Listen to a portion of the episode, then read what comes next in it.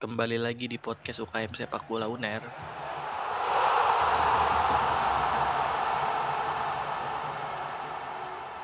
Apa kabar semuanya? Uh, apa kabar juga di Mas Gilang Indana? Ah, baik, baik, baik.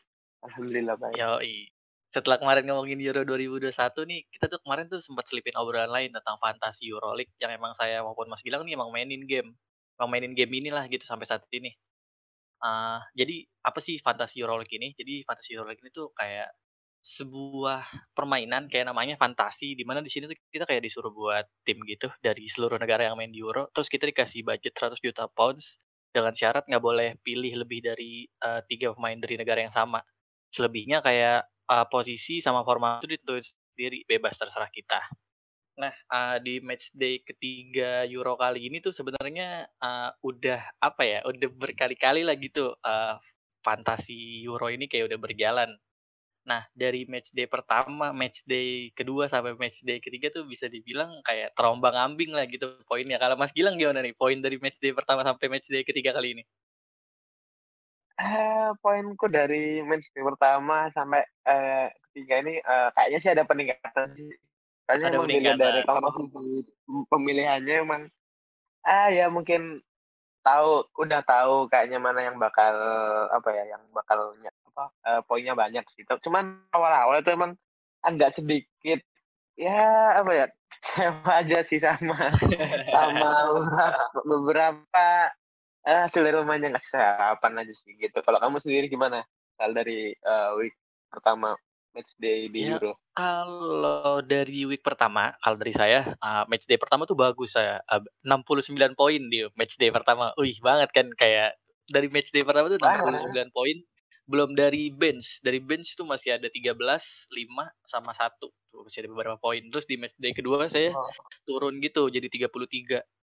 Ya, karena beberapa pemain ada yang nggak perform dan sampai sekarang oh. nih di match day ketiga total udah 33 poin dan masih menyisakan lima pemain yang akan bertanding di sisa match di sisa pertandingan match day ketiga ini. Hmm. Kalau Mas bilang gimana nih di match day ketiga udah berapa poin nih sejauh ini?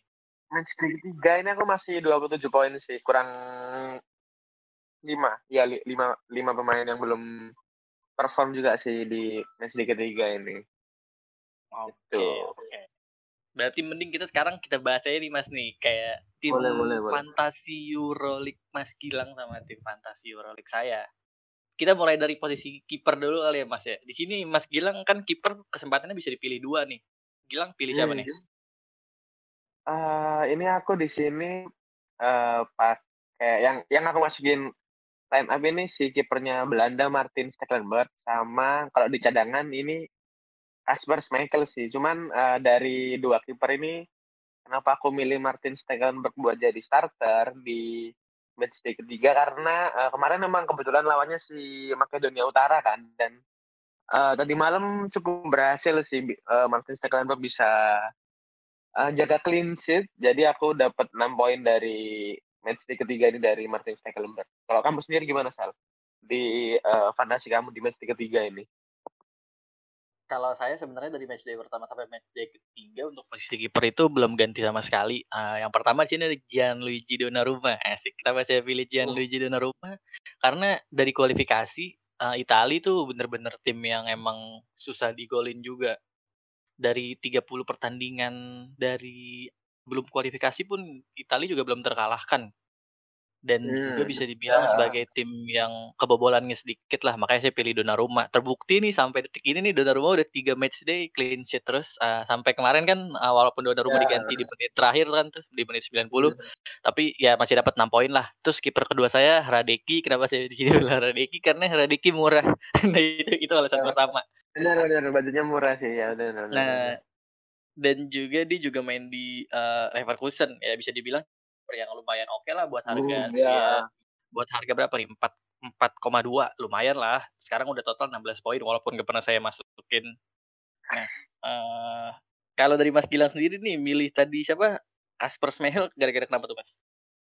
Ah, karena waktu aku pertama kali uh, lihat Denmark main, eh Mystic Mystic ketiga ini uh, Denmark lawan siapa? Lawan itu ya?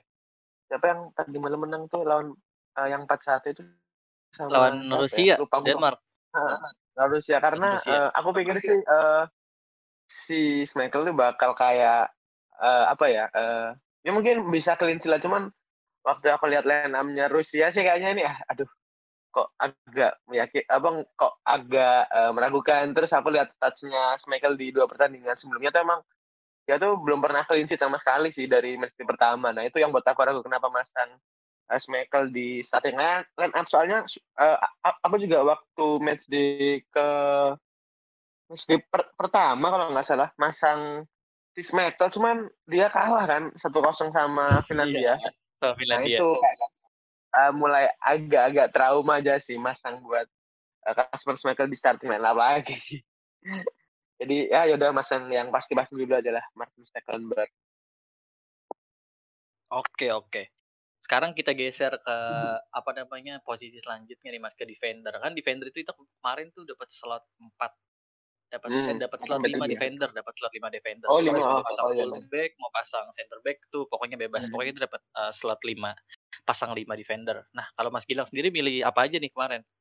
Uh, kalau match day ini kan uh, emang formasi gue tuh empat tiga tiga berubah dari match day sebelumnya yang tiga empat tiga.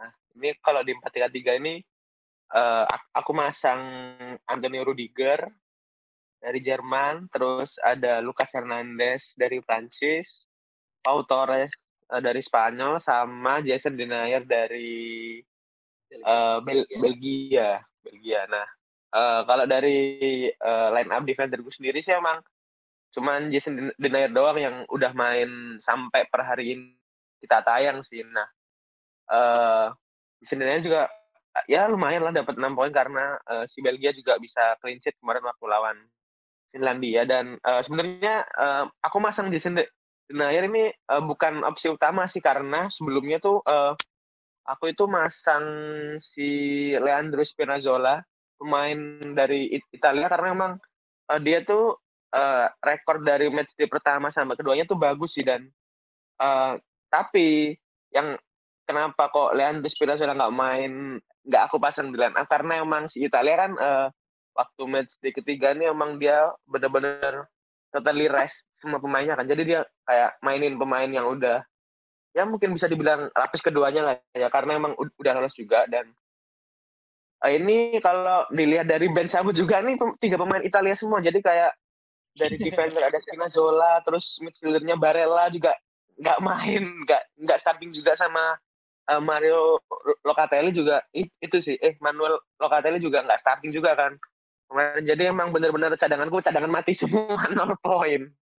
Itu dan uh, kenapa alasan aku masang tiga pemain lain kayak Pak Pau Torres, Lucas Hernandez sama Rudiger karena emang waktu itu kalau nggak salah di match pertama tuh uh, kenapa ya kayak kayaknya aku yakin aja sih lihat uh, performa dari Pau Torres yang bakal dimainin terus sama Luis Enrique karena emang uh, dia tuh juga catatannya, juga lumayan bagus sih di uh, di Euro di waktu match day pertama. Cuman uh, dia nggak flop di match day kedua karena cuman dapat satu poin doang gitu sih. Dan yang dan yang lain sih uh, kenapa Lucas Hernandez karena emang uh, aku lihat statistik waktu match day pertama emang tinggi juga. Ini pemain yang salah satu yang aku transfer waktu match day kedua sih. Jadi uh, ya mungkin bisa lah tar lawan Portugal bisa on fire juga ini pemain terus.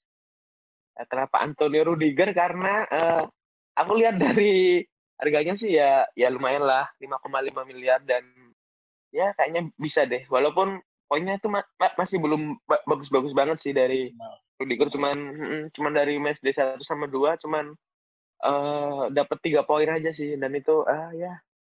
Aku berharap lawan Hungaria bisa clean sheet lah minimal gitu kalau dari aku kalau dari line up, line up kamu sendiri soal dari uh, defender gimana nih kalau dari kalau dari saya sendiri sih di defender ini saya sebenarnya pakai pemain-pemain murah aja sih. Soalnya kayak saya nggak ini sih kayak menurut saya defender tuh apa ya? Uh, saya susah maksimalin defender karena hmm. saya lebih invest ke ini posisi depan. Nah di defender ini pertama saya pilih hmm. Simon Kejair. Simon Kejair di sini sayangnya tidak perform tidak apa ya bukan tidak perform tidak tampil gitu ya kurang bagus lah ibaratnya kemarin kan kejebolan tuh di beberapa pertandingan terakhir hmm. pertandingan terakhir tuh kejebolan sampai saat semalam itu ya Denmark kejebolan satu akhirnya Simon Kjaer dapat dua poin Terus di sini Oh, ada heeh. Jan Bednarek. Jan Bednarek itu main iya. dari ini Polandia yang saya beli dengan harga murah juga.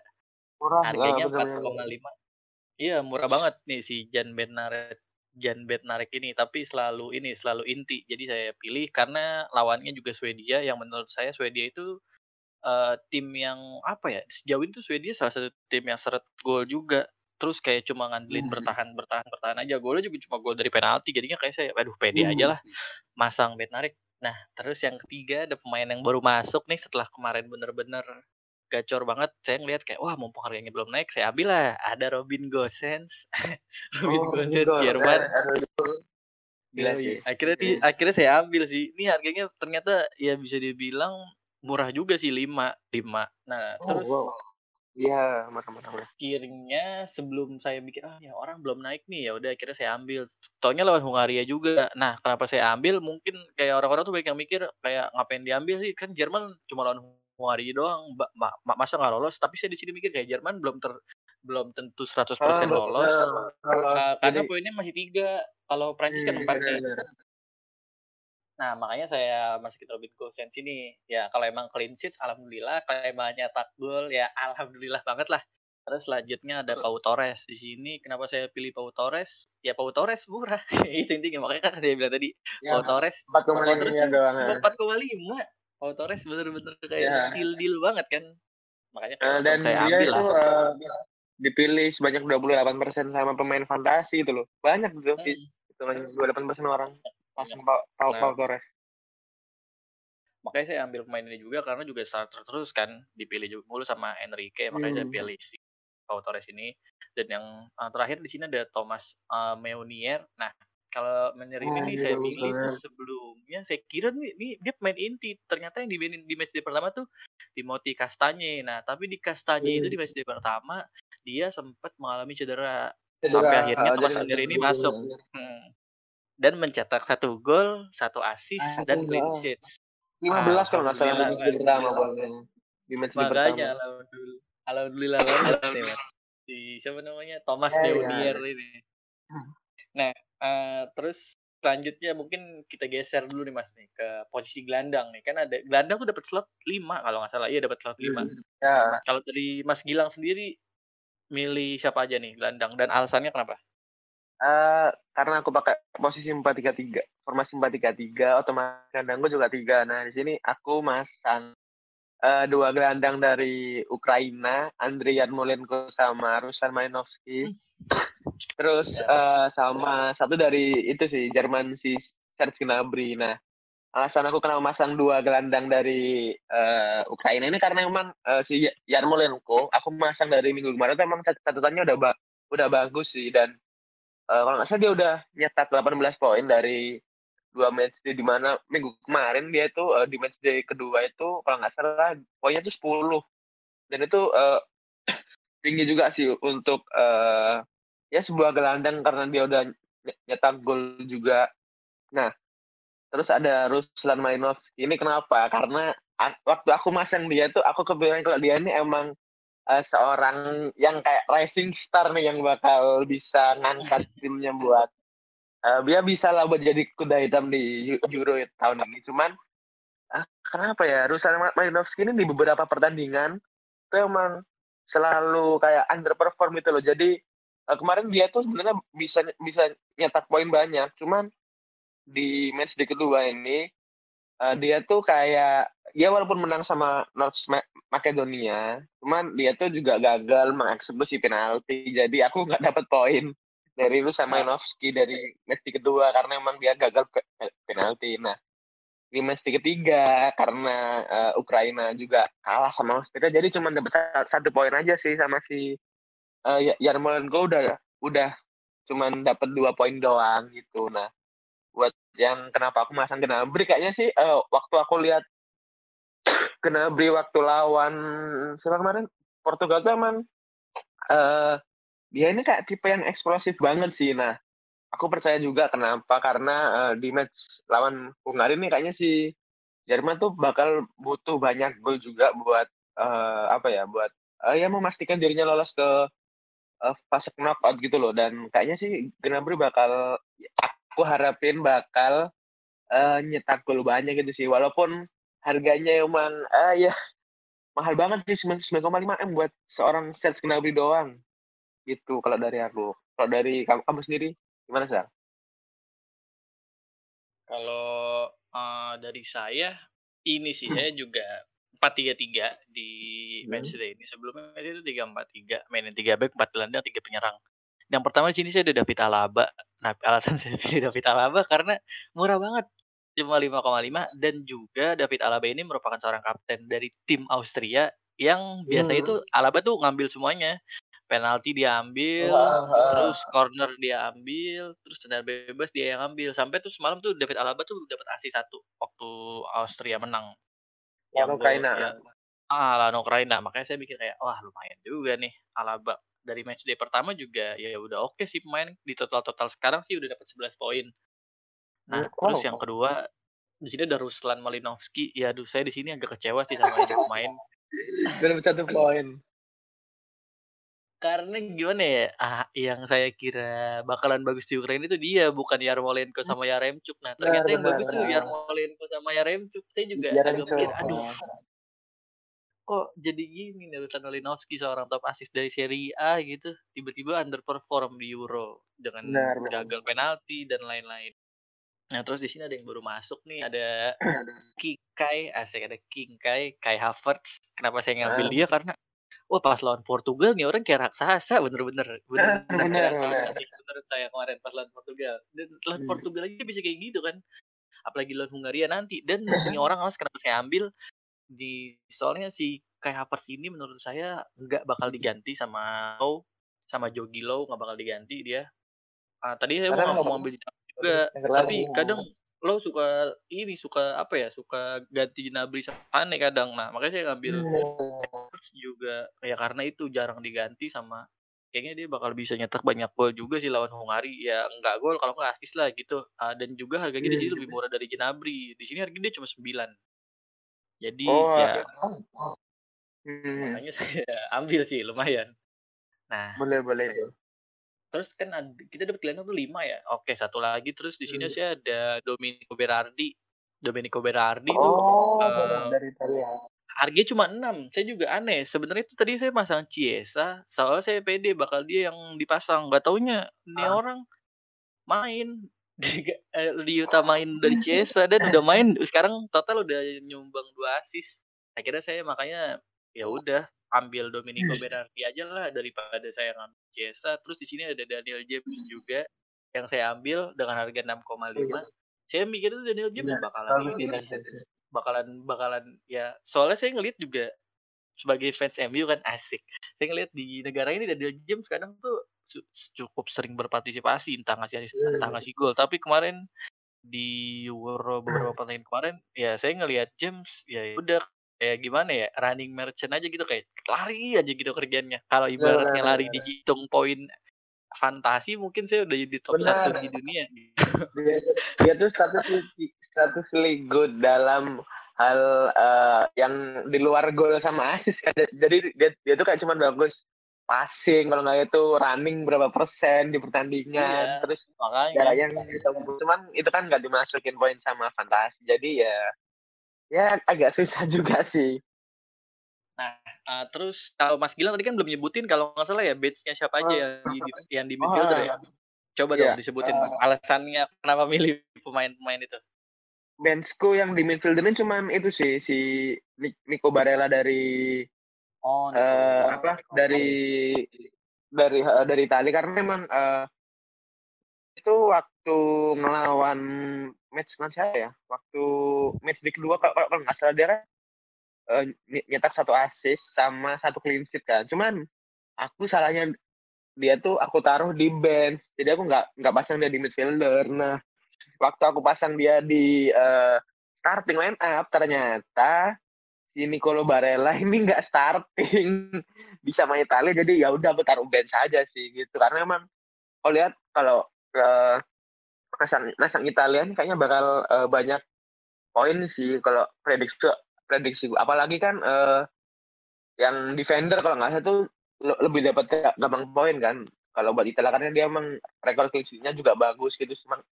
makanya aku juga uh, ya kayaknya percaya sih kalau masang Italia ini pasti bakal dapat poin minimal 6 lah gitu sih kalau dari aku. Gitu. Hmm, Oke. Okay. Nah, uh, terus sekarang kita geser nih Mas nih ke posisi selanjutnya yaitu penyerang. Mas Gilang pasang siapa aja nih? Sama siapa yang Mas Gilang kaptenin? Oh, oh pasti penyerang ini aku uh, pasang tiga penyerang yaitu ada Romelu Lukaku, terus ada Patrick Schick sama Gerard Moreno. Nah alasannya uh, dan di, da, dari ketiga pemain ini yang aku kaptenin sih si Romelu Romelu Lukaku karena uh, aku lihat dia tuh waktu main pertama emang bagus dan aku juga kaptenin si Lukaku ini waktu match pertama dan uh, lumayan dapat 20 poin karena di match pertama dia 10 poin kan. Jadi dikali dua dapat 20 poin. Itu. Nah, terus kenapa aku masang Patrick Six sama Girmano sih karena emang si Patrick Six ini uh, apa ya?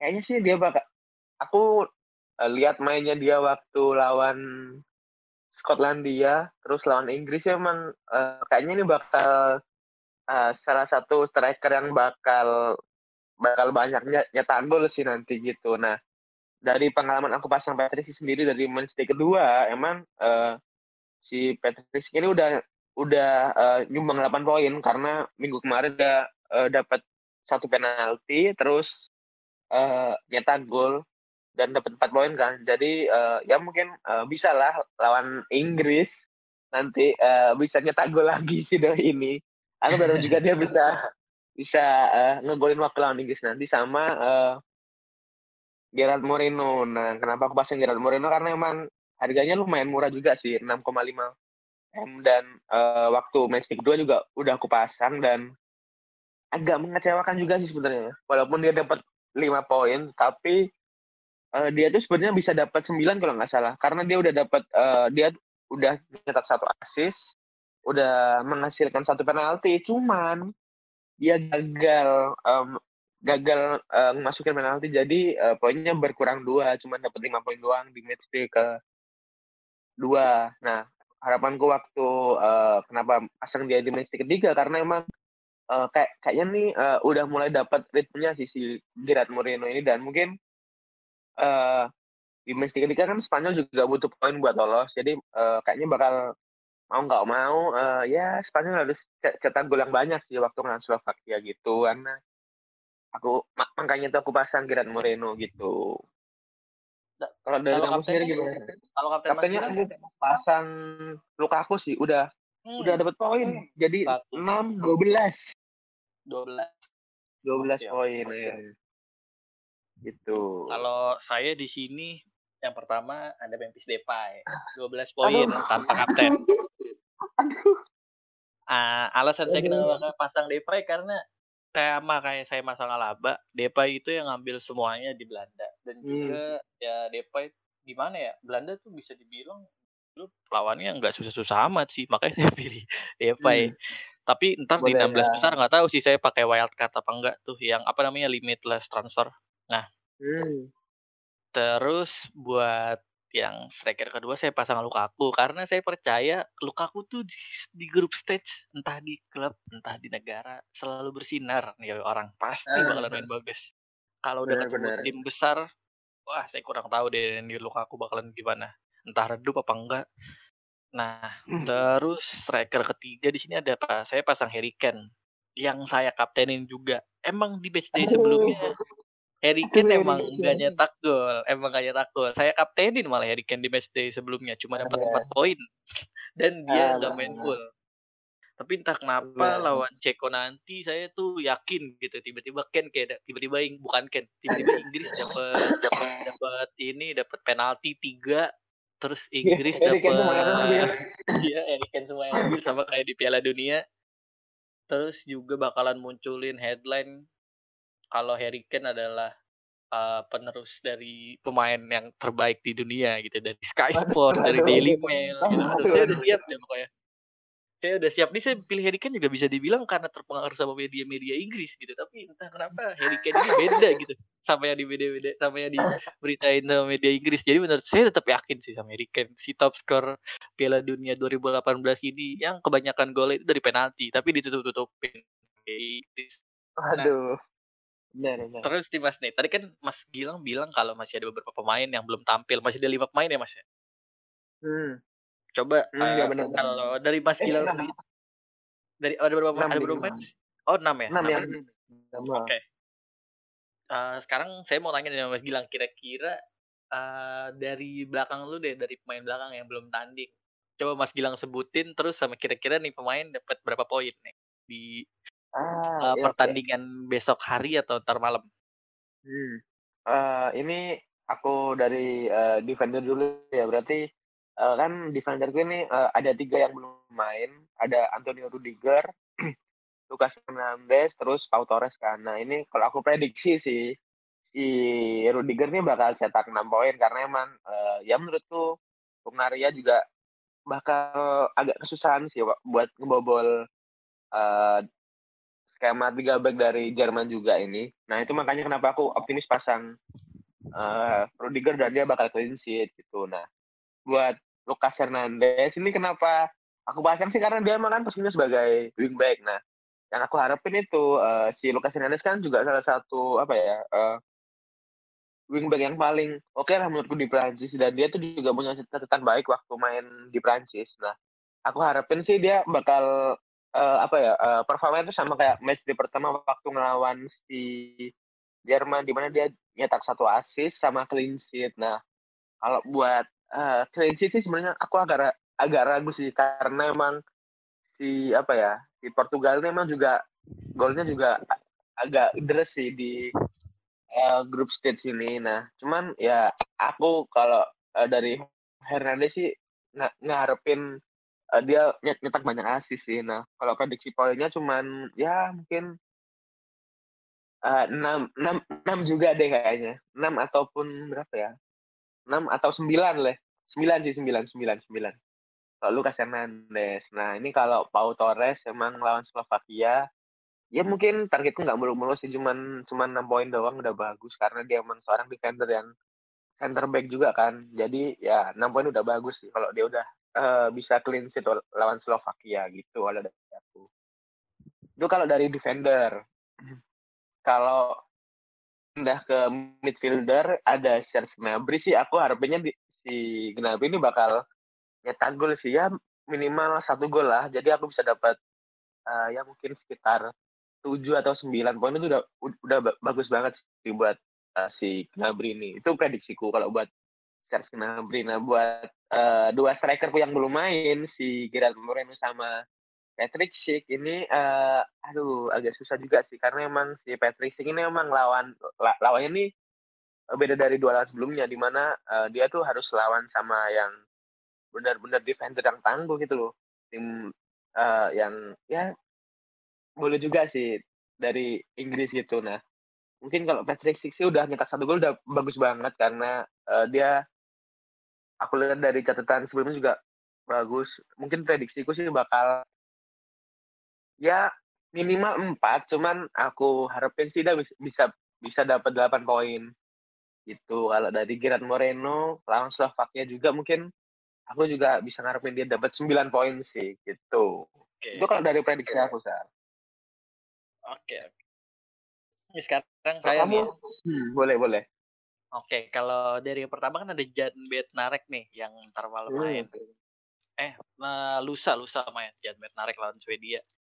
Eh, di sini saya nggak muluk-muluk banget sih sama, sama main karena bisa dibilang ya pemain ini ya cuma saya pasang karena budget saya adanya segitu aja gitu ya. ya udah karena budget saya cuma ada Apa pun segini, sisa sisa segini. Iya karena ya udahlah siapa lagi yang mau dimasukin? Oh paling bagus Jan Bednarek ya udah kita masukin. Ya harapan dari saya ya dia juga seorang uh, center back juga. Uh, paling Hmm. kalau emang bisa golin ya dari ini deh mungkin dari apa namanya corner. Ya, Ya, semoga benar. semoga inilah semoga apa ya? Semoga bisa clean sheet lah. Soalnya Polandia juga bisa dibilang kurang bagus sih. uh, ininya hmm. pertahanannya total sampai saat ini tuh udah kejebolan tiga gol. Nah, terus lanjutnya nih saya berharap banyak banget sama Robin Gosens, uh, pemain yang baru saya transfer. Uh, Robin Gosens hmm. ini itu bakal lawan Hungari kan. Ya, Hungari hmm. juga waktu pas lawan Prancis tuh bener-bener wah parkirnya bukan parkir tank lagi kan Hungari. itu tujuh puluh kayaknya tujuh puluh ribu penonton juga ikut bertahan kayak kalau saya lihat soalnya Prancis aja tuh uh, benar-benar sampai se uh, iya kesusahan banget nah karena uh, emang udah nyetak duluan juga nah betul udah udah udah ini udah nyetak gol duluan juga jadi jadi jadinya pede gitu kan dia buat bertahan sampai sampai Prancis juga golnya dari Loris gitu kan dari belakang sampai akhirnya Mbappe dan Griezmann golin nah Nah, saya ngeliatnya tuh di sini kan Jerman juga belum fix lolos. Jadinya Jerman di sini bakalan all out banget. Bakalan all out banget. Apalagi Robin Gosens ini bisa dibilang fullback dengan jen, uh, berjenis eh, berjenis ini offensive fullback attacking fullback. Oh, banget, benar, benar. Wah, parah nih orang di Atalanta sama di Jerman nih orang oke okay banget. Nah, jadi saya di sini mungkin saya ngeprediksi dia bakal nyetak satu assist sama clean sheet lah. Soalnya si eh. siapa namanya Hungaria juga bisa dibilang gol ya Hongaria ya emang 100% dari uh, apa namanya counter attack yang menurut saya tuh kemarin hmm. harusnya nggak bisa nggak nggak harus jadi gol gitu buat Hungaria hmm. ke gawang Prancis. Jadi menurut saya dengan adanya Rudiger di tengah nanti bisalah ngebantu buat Gosens biar clean sheet. Ya poin ya, saya berharap kayak kemarin aja uh, kayak kemarin dia di match day sebelumnya intinya belasan lah. belasan lah. Boleh, boleh. Nah, terus ada Pau Torres. Aduh, ini Pau Torres juga bisa dibilang apa ya? Tim tim Spanyol ini aneh saya kayak ibaratnya cuma muter-muter aja. Kejebolannya juga baru satu total dari Euro uh, match day pertama sampai saat ini. Saya juga bingung nih sebenarnya Spanyol nih main apa enggak? kayak ibaratnya kayak nonton India tuh sepi banget gitu nggak kayak dulu gitu gol banyak terus kayak muncul ah. muncul muncul striker striker bagus makanya saya juga di sini nggak terlalu pasang uh, pemain depan maupun gelandang dari ini dari siapa namanya dari Spanyol, Spanyol. makanya di sini masangnya belakangnya dia di Pau Torres ya hmm. dari track record Spanyol yang baru kejebolan satu sih saya yakin sih lawan Slovakia ini uh, Spanyol bakalan dibilang all out sih enggak ya karena di setiap pertandingan tuh kayaknya Spanyol all out tapi nggak pernah golin. Iya benar benar benar. Cuma masalahnya ada di lini depannya doang sih kayaknya. iya. Nah, ya udah jadi kayak ya udah pikir saya ya, paling lawan Slovakia ya clean sheet bisa lah buat Torres. Ya nggak usah hmm. golin lah clean sheet aja 6 poin lah 6 poin udah lumayan kok. Terus ada kayak Havertz selanjutnya nih kalau Kai Havertz di sini saya sangat berharap banyak kepada King Kai asik. Karena ya gimana ya nih pemain juga udah kebuktiin di Chelsea yang awalnya dibilang klub sampai akhirnya mencetak gol di final Liga Champions sampai kemarin performa melawan Portugal tuh benar-benar oke okay banget. Sukses jadi false nine. Saya kira tuh tadi false nine-nya si Muller nggak taunya ya Muller juga kadang melebar ke sayap sedikit dan uh, si kayak sini lebih ke tengah. Yang saya mikir kayak sih kayak jadi striker bayangan dengan postur tubuhnya yang tinggi tapi hmm. di Euro ini dia dikasih harga 9 jadi saya pikir kayak ya Allah murah banget buat seorang Havertz ya udah saya ambil soalnya nih pemain di Hungari pasti bakalan golin nanti lawan Hungari pasti oh. yakin yakinnya deh entah gol atau asis pasti nih orang bakalan lagi lawan Hungari kan Hmm. Uh, terus selanjutnya di sini ada Harry Kane. Ya, oh Harry Kane. Oh. Harry Kane, oke. Okay.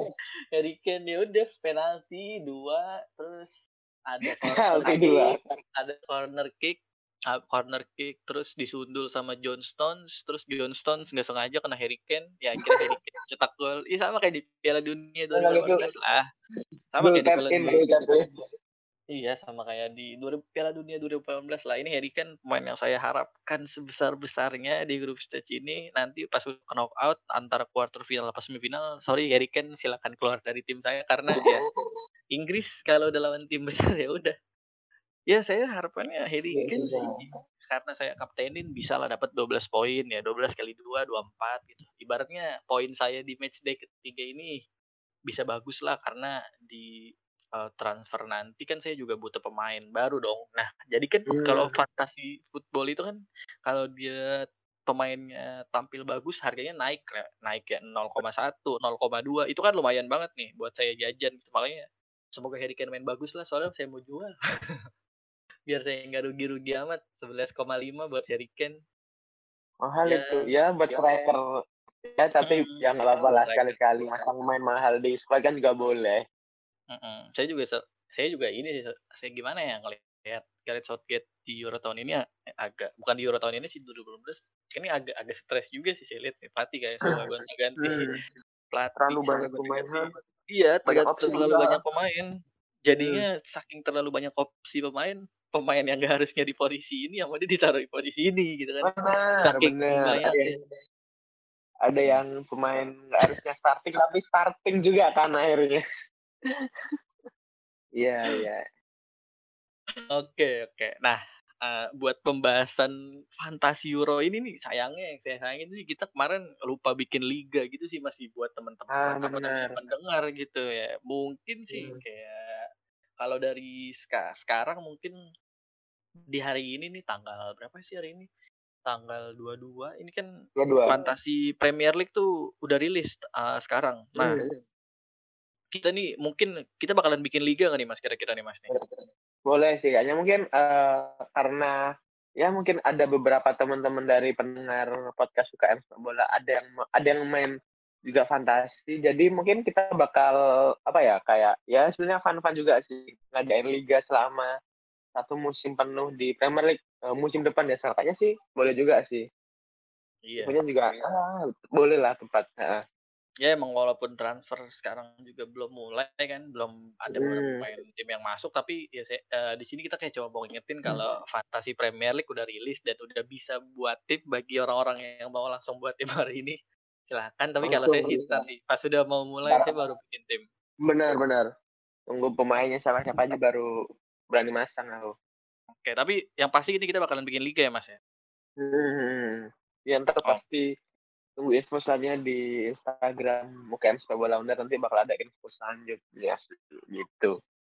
Oke, oke mungkin kalau dari saya tentang fantasi Euroleague ini bisa cukup sih Mas. Kalau dari Mas Gilang mungkin gimana ada tambahan? Uh, mungkin kalau dari aku juga udah cukup sih karena ya emang fantasi Premier League dari kita kita doang sih gitu. Ya ya mungkin kalau dari aku sih udah juga sih gitu. Oh iya, mungkin saya ada tambahan sedikit sih buat para pendengar boleh, ya boleh. jangan lupa ini jangan lupa jual pemain Inggris setelah babak knockout ya itu aja. Karena ya karena itu Pasti jangan terpancing seperti saya terpancing oleh media seperti Sky Sport, Daily Mail dan media Inggris lainnya. Atau saya terpancing saya juga sebenarnya terpancing sama Gary Lineker sih yang selalu membanggakan Inggris di setiap pertandingannya. Jadi ya saya harap di babak knockout selanjutnya orang-orang bisa apa ya jual pemain Inggris lah. Karena pemain Inggris tuh bisa dibilang di fantasi tuh selalu jadi pemain yang mahal. Ya hmm, dijual benar, benar, banyak pemain-pemain yang murah yang bagus dijual lagi dijual. Udah saya habis ini saya ini match day terakhir saya menggunakan Ken makanya saya kaptenin. Saya habis ini udah gak pakai Ken lagi. Oke. Eh, mungkin apa ada, gitu. ada ada lagi nih kalau bilang apa nih? Ya, tambahan nih gara-gara kamu ngomong media Inggris mungkin eh, kayaknya kita bakal eh, bahas uh, apa ya apakah media Inggris itu berlebihan? Mungkin kita akan bahas di episode episode selanjutnya sih buat uh, podcast suka sepak bola ini. oke oke. Sih mungkin oke. Boleh boleh boleh oke dari berarti kita tutup deh mas ya. Oke terima kasih. Okay. semuanya sampai jumpa